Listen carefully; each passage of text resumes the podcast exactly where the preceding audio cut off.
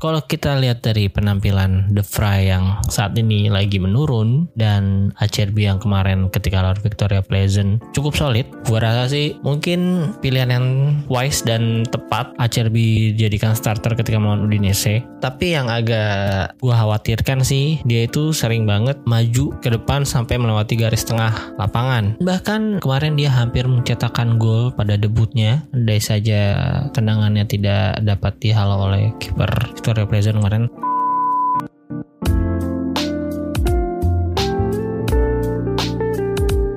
Halo selamat pagi, siang, sore, dan malam Kembali lagi di Irsun Podcast Podcast yang bahas berita-berita seputar Inter Yang gue kutip dari sosial media dan portal-portal berita olahraga Kali ini gue ngetek tanggal 16 dini hari ini, hari Jumat. Sebelum kita ke topik utama yang akan gue bahas nanti, mungkin gue akan membawakan beberapa berita up to date dulu nih ya. Pertama tentang ini dulu deh, Lord Jomar yang dia kemarin cetak gol ketika Benfica bisa mengalahkan Juventus di kandang Juve 1-2. Dia ya selebrasinya memang agak sedikit intimidatif ya. Terus dia dibuin sama satu stadion dan memancing amarah Bonucci akhirnya.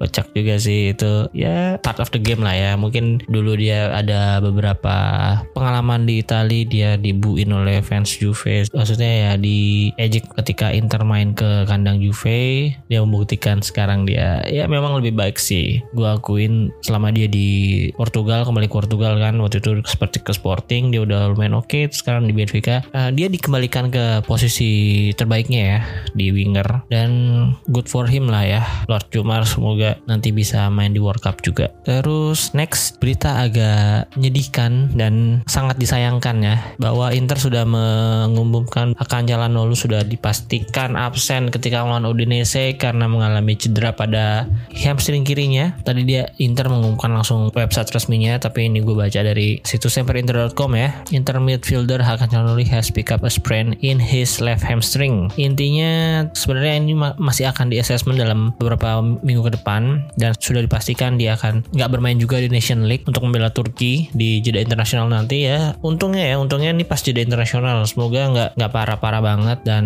ketika selesai jeda internasional bisa balik lagi untuk membela Inter karena Inter jadwalnya super sulit ya.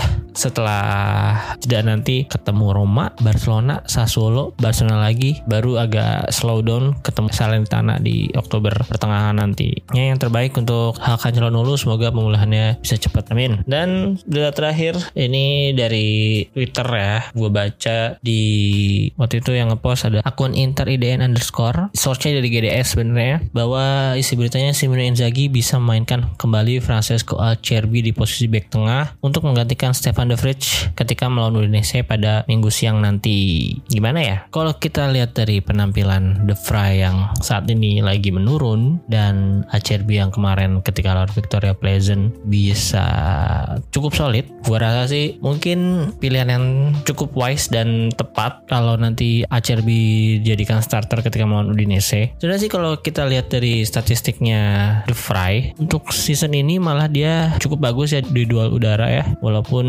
ketika marking uh, agak menurun. Ini kalau gue lihat dari akun Instagramnya Inter Milano underscorepedia ada Serie A top defensive stat sampai Giornata ke-6. Untuk top tackles ada pemain Lecce yaitu Hulman 21 kali, top duel Swans ada Milankovic Savic 49 kali, top interception Fazio dari Salernitana 16 kali, most fall Simone Bastoni Spezia, most yellow card Brozovic yang Inter yang udah keempat kalinya. Nah, top aerial duel Swan ada The Fry dengan 22 kali nih. Jadi sebenarnya kalau untuk area duel sebenarnya areal areal tuh udara ya. Duel udara cukup bagus The Fry, tapi kayaknya belum cukup bagus untuk marking apalagi konsentrasinya ketika dia udah lelah ya, udah main di atas 60 menit udah agak menurun tampaknya. Kita balik lagi ke HRB yang di debutnya kemarin walaupun walaupun lawannya hanya dalam tanda kutip Victoria Pleasant, tapi gue harus apresiasi dia bisa melewati debutnya dengan tidak grogi ya. Harusnya memang segitu sih karena dia udah pemain senior, eh, pengalamannya udah banyak banget. Tapi yang agak gue khawatirkan sih, gue nggak tahu ini memang strategi Inzaghi kemarin atau kebiasaan dia. Dia itu sering banget maju ke depan sampai melewati garis tengah lapangan. Which is ya memang dia role-nya juga sebagai ball playing defender juga sih ketika di Lazio. Gue ngeliat cukup sering lah, apalagi ketika Inter lawan Lazio dua musim lalu tuh Conte masih pelatihnya si ACRB memang sering banget naik membantu penyerangan untuk menguasai lini tengahnya Lazio gitu membantu lini tengah. Nah cuman efek atau resikonya resikonya memang cukup riskan karena ACRB ini udah tua dan pasti tidak memiliki speed yang cukup cepat terbukti di kala pertandingan Inter lawan Lazio itu gol-golnya tercipta dari counter attack semua tuh. Kalau kalian ingat gol terakhir itu Lukaku ke Lautaro untuk mengesil kemenangan 3-1. Sebelumnya itu menang 1-2 dulu terus Lazio menekan sampai Acerbi dan back-back lainnya maju banget lebih dari garis tengah lapangan. Yang ketika kena counter langsung habis deh tuh. Kena counter Barella, Hakimi, Lautaro, Lukaku. Nah, semoga bisa disesuaikan lah ya dengan lawannya nanti kalau memang lawannya memiliki kecepatan dan dinilai terlalu riskan untuk melakukan possession ball hingga maju-maju ke depan banget. Semoga tidak dilakukan oleh Inzaghi di pertandingan besok Indonesia atau pertandingan lainnya. Kalau lawan Victoria kemarin sih ya memang nggak ada yang mengancam lah ya. Main-main mereka juga yang pergerakannya paling membahayakan mungkin hanya si Masquera ini nih nomor 18 sama si Jemelka ya Jemelka kalau nggak salah itu sempat melancarkan tendangan dari luar kotak penalti. Si Kalfah nih Maral yang kemarin di interview katanya bilang Inter nggak sesulit Barcelona malam mainnya nggak kelihatan ada atau nggak. Kemarin juga nggak terlalu kelihatan lah. Terus si Acerbi juga bisa membuat ya kalau gue lihat kemarin dia duelnya selalu melawan si Thomas Cori ini Thomas Corey sampai terlihat frustrasi ya si Corey ini cukup baik memarking dalam duel udara juga masih bagus tenang dan ya sigap lah ya. Bahkan kemarin dia hampir mencetakkan gol pada debutnya. Andai saja tendangannya tidak dapat dihalau oleh kiper Victoria Pleasant kemarin Stanek ya memang cukup lemah dan mengarah ke dia juga sih. Sayangnya bisa jadi debut yang sangat manis. Clean sheet plus satu gol mungkin di UCL pula kan menjadi awal yang baik bagi ACRB ya kemarin juga sebenarnya udah cukup baik sih. Kalau kita lihat dari ratingnya di sini SofaScore memberikan nilai 7,6 ya. Cukup baik dan paling baik di antara tiga back starter yang main kemarin. Milan Skriniar hanya 7,2 Alessandro Bastoni 7,2 juga. Dan dia melakukan touch banyak 129 kali. Akurasi passingnya juga 96% 109 dari 113 long ball akurasinya 9 dari 11 wow ini lumayan lah ya. Hanya miss 2 shoot on target 1 yang tadi shoot block 1 ground duels won 2 dari 4 aerial duels won 3 dari 5 position loss 5 ini cukup cukup banyak lah ya 5 itu. Sebagai back ada satu passing yang dia cukup fatal juga ya. Yang nggak fatal sih yang yang fatal tuh si Brozovicnya pahakannya ya. Nah terus heavy touch gitu si Acerbi-nya untuk masih bisa diantisipasi oleh Onana. Di fallin dua kali melakukan fall satu kali clearance lima kali block shot satu kali interceptnya nggak ada tackle satu kali dribble pass nol. Berarti dia nggak dilewatin dengan mudah oleh pemain Pleasant kemarin. Untuk pemain lainnya yang lebih baik dari Acerbi kemarin hanya Marcel Brozovic Edin Zeko dan Dumfries. Ya di Zeko dan Dumfries karena mencetak gol pastinya mendapatkan nilai yang lebih tinggi. Marcel Brozovic yang kemarin sangat mobile. Ya cocok dia jadi MVP kemarin kan. Man of the match. Dia menjelajah cukup luas cukup mobile banget hit mapnya. Walaupun nggak mencetak gol memang layak dia jadi MVP terus kalau dari uscore.com juga ACRB dapat nilai yang bagus 7,6 Skriniar hanya 7,4 dan Bastoni hanya 6,9 Bastoni kayaknya main bagus ya kemarin ya sebelum kartu kuning ya. Dia crossingnya banyak-banyak yang nyampe gitu. Banyak yang on target ke pemain Inter. Kemudian kemarin media Italia juga banyak yang memuji penampilan solid dari ACRB ini ya. Seperti CDS mereka memberikan nilai 7 dari 10 untuk performanya. Terus kalau dari situs Get Football News Italy mereka memberikan nilai tujuh setengah setara dengan Brozovic tujuh setengah juga dan Zeko malah mereka kasih 8 Terakhir ada dari thehardtackle.com kalau dia ngasih nilai 7 per 10 komentarnya the 34 year old made his Inter debut on the night did not put a foot wrong not only was a veteran flawless at the back but he also made a nuisance nuisance bacanya gimana nih? Of himself on the set piece at the other end on another day HRB made as will have scored a hat trick ya cukup positif lah ya nilai-nilai dari beberapa media beberapa website yang memberikan rating pemain. Dan gua harap dia bisa jadi uh, backup yang sangat reliable seperti Darmian ya. Darmian ketika dia datang ke Inter juga nggak ada yang menyambut sama Acerbi kemarin juga nggak ada. Tetapi dia jadi salah satu pemain yang paling underrated di Inter Milan ketika dia dibutuhkan selalu siap dan selalu memberikan impact yang bagus. Bahkan di dua musim kemarin ketika Inter kesulitan mencetak gol dia selalu ada di momen yang tepat clutch player menurut gua. Dan kalau gua sih setuju ya kalau dia dimainin lawan Udinese nanti. Kalau kalian gimana? Komen aja di postingan Twitter atau Instagram gue ya karena dia kalau di sekelas Serie A harusnya masih oke okay lah ya. Namanya juga liga para main veteran gitu. Dan juga pengalamannya dia di Serie A banyak banget nih. Udah cukup jadi salah satu back yang paling tua dan masih oke. Okay. setelah ditinggal Cialini ke MLS ya mungkin tinggal Acerbi dan Bonucci yang sangat senior. Yang saat ini juga dia kayaknya masih ada di timnas lah ya. Kemarin dia di Euro juga bantu Italia juara. Dia udah bermain sebanyak 25 kali sejak sejauh ini di national team. Kalau di Serie A dia punya caps sebanyak 322 kali ketika membela Sassuolo 157, Lazio 135, Chievo 24, AC Milan 6. Di Inter belum sama sekali. Mungkin besok akan debut di Serie A bersama Inter. Untuk total dia sejauh ini sudah bermain 496 kali ya di seluruh kompetisi, di seluruh tim juga. Dia pernah main di Spezia Primavera dan Chievo Primavera sampai akhirnya dia kayaknya sih di orbitinnya sama Chievo dulu ya naik ke Serie A-nya. Terus ke Regina, ke Pavia, baru ke Sassuolo kayaknya, terus baru ke Lazio, kemudian ke Inter. Eh, nggak ada lewatin Milan dulu. Gue lupa di tahun berapa membela Milan ya. Oke, mungkin selanjutnya kita bahas ke pertandingannya nih. Pertandingan Inter lawan Udinese besok. Inter akan bertandang. Udinese trennya lagi bagus banget. 4 pertandingan terakhir 4 kali menang dan 4 gol melawan Roma. 4-0. Gila sih, patut diwaspadai sini. Dan kemarin juga melawan Sassuolo 1-3 Sassuolo ini tim yang sering menyulitkan Inter.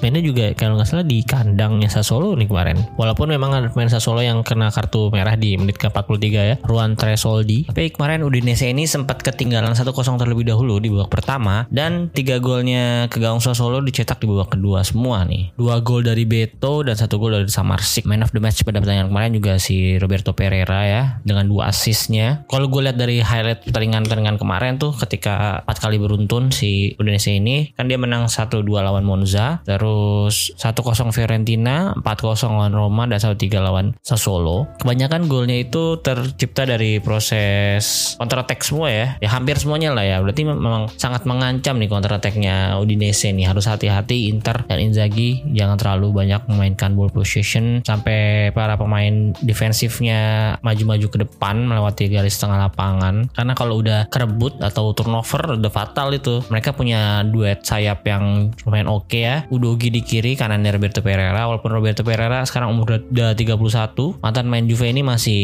lumayan oke okay ya. Apalagi kalau kemarin di kanannya musim lalu masih ada si Nahuel Nahuel Molina. Cuman Nahuel Molina udah dibeli Atletico kalau nggak salah. Kalau kita lihat dari score nih, karakteristiknya Udinese, strength ini ada counter attacks very strong, finishing scoring chance very strong, coming back from losing position very strong, attacking down doingnya hanya strong aja. Berarti Skriniar, Bastoni, Di Marco, Dumfries, Gosens, siapa pun nanti yang main di wing harus waspada ya. Tadi seperti yang udah sebut Udogi hampir aja dibeli oleh Inter ya, tapi ternyata dia dibeli oleh Tottenham kemudian dipinjemin dulu sementara ke Udinese. Dan itu sangat memiliki kecepatan ya. Si Udogi ini juga backupnya juga nggak kalah bagus, ada Makengo, cepet juga. Terus weaknessnya di sini ada avoiding offside, defending against through ball attack, defending set piece, avoiding falling in dangerous areas. Keempat poin yang tadi gue sebutin mereka weak semua nih ininya uh, levelnya. Set piece ini sebenarnya salah satu keunggulan Inter ya. Semoga aja bisa nanti dimanfaatkan karena kalau dari sini sih mereka defending set piece-nya agak buruk. Jadi semoga di Marco lah bisa memberikan set piece set piece yang matang ke lini depan atau dari posisi corner bisa mengancam. Karena Hakan Calhanoglu nggak bisa main pastinya. Biasanya kan Hakan Calhanoglu yang ngambil set piece. Terus style of play-nya Udinese ini attacking down the left dari kiri dari Udogi di sana terus control the game in the opposition half. Uh, mereka juga suka ball position di depan. Terus attempt through ball often, take a lot of shot, aggressive. Untuk top playernya mereka dari rating paling tinggi di sini ada Roberto Pereira menurut score 7,3 terus ada Destiny Udogi 19 tahun 7,28 terus Geraldo Dolfo masih 28 tahun uh, dengan 7,2 Dolfo kalau gue lihat sangat kreatif lah ya sebenarnya dia main di pasangnya ini duet striker sama Beto di depan cuman gue lihat sih lebih sering kayak Alexis Sanchez ya jemput bola terus dari tengah cek cek kasih terupas ke kiri ke kanan. Ya kreativitasnya hampir sama kayak Alexis Sanchez. Harusnya kemarin Inter kalau misalnya Kylian Sanchez kalau misalnya Dolfo murah atau nanti kontraknya habis boleh lah dijadikan pertimbangan. Asal gajinya nggak mahal ya terus ada Rodrigo Becao nah Rodrigo Becao ini juga seorang back yang sering-sering maju ke depan juga. Ketika lawan Monza bahkan dia mencetakkan assist. Tipenya kayak Milan Skriniar gitu loh sering maju ke depan. Terus dari wingnya dikasih terupas dia narik back juga akhirnya. Terus dia crossing bisa membuahkan assist hasilnya. Terus ada Beto Beto dengan 6,99 nah ini sebenarnya Beto nih top skor mereka ya saat ini udah 4 gol. Ini striker yang sangat kuat tinggi sering menang duel udara terus larinya juga oke walaupun posturnya juga agak gede. Ya mirip-mirip Lukaku sebenarnya. Nah waktu itu gue juga udah sempat bahas kalau misalnya Inter kehilangan Lukaku zamannya Inzaghi awal harusnya ngelirik Beto ini nih. Beto ini main Portugal yang underrated menurut gue di Serie A. Karakteristiknya hampir mirip lah kayak Lukaku kalau menurut gue ya. Kalau gue lihat dari beberapa highlightnya.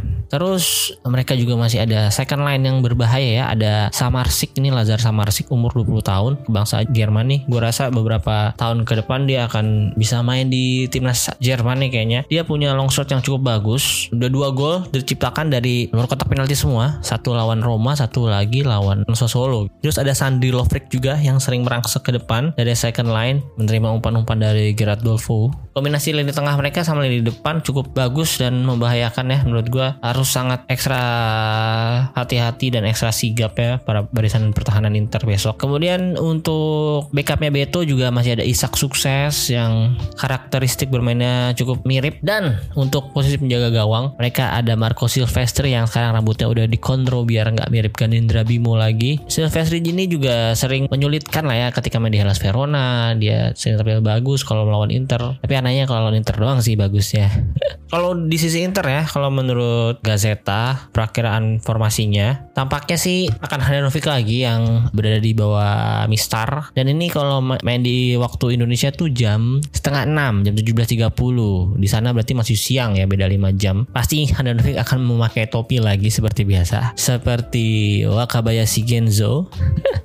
gue agak lupa-lupa. Biasanya kalau Handanovic main siang itu lebih bagus apa lebih buruk ya? Seingat gue sih hasilnya jarang kalah sih menurut gue. Inter kalau main di siang hari. Ya semoga aja besok bisa menang lah ya. Lawan Udinese yang akan memakai formasi 3-5-2 juga. Pelatih mereka Sotil akan menurunkan Silvestri. Terus backnya ada Perez, Bekau, Nutnik. Wingnya ada Pereira dan Udogi. Tengahnya Lovric, Welles, Makingo. Depannya Dolfo dan Beto. Nah seperti gue bilang tadi Dolfo ini dipasang striker. Cuman dia pasti akan lebih mobile posisinya seperti Alexis Sanchez ketika di Inter. Sementara untuk Inter kipernya Handanovic, backnya Skriniar, Acerbi, Bastoni. Kalau menurut si Gazeta, Acerbi lebih diunggulkan dibanding De Vrij menurut mereka. Wingnya ada Dumfries dan kirinya Darmian. Berarti ini Dumfries akan berhadapan dengan Udogi nih. Semoga aja nggak kelamsi ya. Kadang-kadang si Dumfries kelamsi juga nih kalau melawan uh, pemain dengan permainan yang menusuk gitu yang punya speed. Kirinya Darmian uh, untuk menyumbangkan permainan ya. Biasa tengahnya ada Brozovic Barella dan pengganti akan Calhanoglu yang kemungkinan akan bermain dari menit awal yaitu siapa lagi kalau bukan Roberto Gagliardini. Aduh, kenapa nggak Mkhitaryan atau Aslani aja ya? Mkhitaryan memang kemarin jumlah shootnya paling banyak mungkin ya lawan Victor Pleasant cuman sayangnya nggak ada yang on target bahkan ada yang kena blok juga. Nah, tapi menurut gue untuk Kalau Udinese ini harusnya Mkhitaryan lah untuk mengganti Hakan Calhanoglu. Walaupun kayaknya musim lalu tuh Gagliardini ini kayaknya ngegolin lawan Udinese ya kalau nggak salah. Tapi ah udah gue nggak mau